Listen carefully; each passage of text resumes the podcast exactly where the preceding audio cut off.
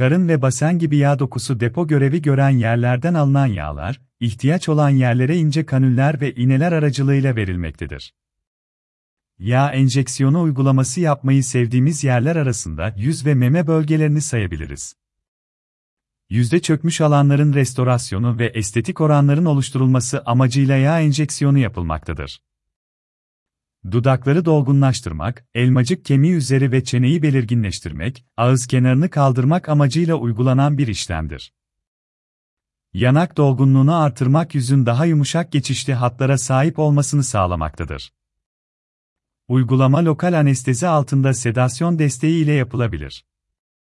Ortalama işlem süresi yapılacak girişimle orantılı olarak yaklaşık 1 ile 3 saat sürer.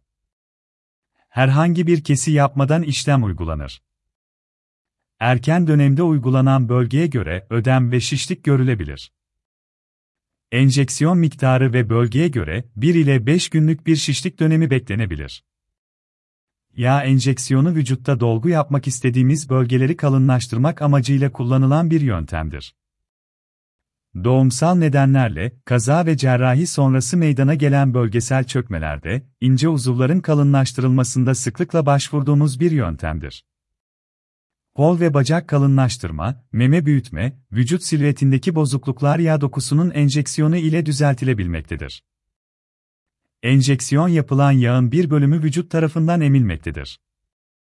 Bu emilme oranları da uygulanan yönteme ve kişiye göre değişmektedir. Yağ emiliminin azaltılması ve elde ettiğimiz sonucun korunması için bazı işlemler yapıyoruz ama yine de bazı durumlarda ikinci bir seans tamamlama enjeksiyon işlemi gerekebilmektedir. Kullanılan malzemeler ve cihazlar çok dikkatli bir şekilde kullanılmakta ve olası bazı olumsuz sonuçların engellenmesi sağlanmaktadır. Yağ enjeksiyonu lokal anestezi altında yapılabilir mi? Düşük hacimli enjeksiyonlarda bu mümkündür. Özellikle yüze yapılacak olan enjeksiyonlarda lokal anestezi sıklıkla kullanılmaktadır. Yüksek hacimli veya vücudun geniş alanlarına yapılan işlemlerde genel anestezi mi gerekiyor? Hasta için daha konforlu olur. Kanüllerin daha fazla giriş, çıkış yapması ve daha fazla yağ toplama gerektiğinde hastaların daha huzurlu ve ağrısız olmaları adına tercih ettiğimiz anestezi türüdür. Başka hangi işlemlerle birlikte uygulanabilir? Yüz germe, göz kapağı estetiği, meme estetiği ve vücut kontür düzeltmelerinde tercih ediyoruz.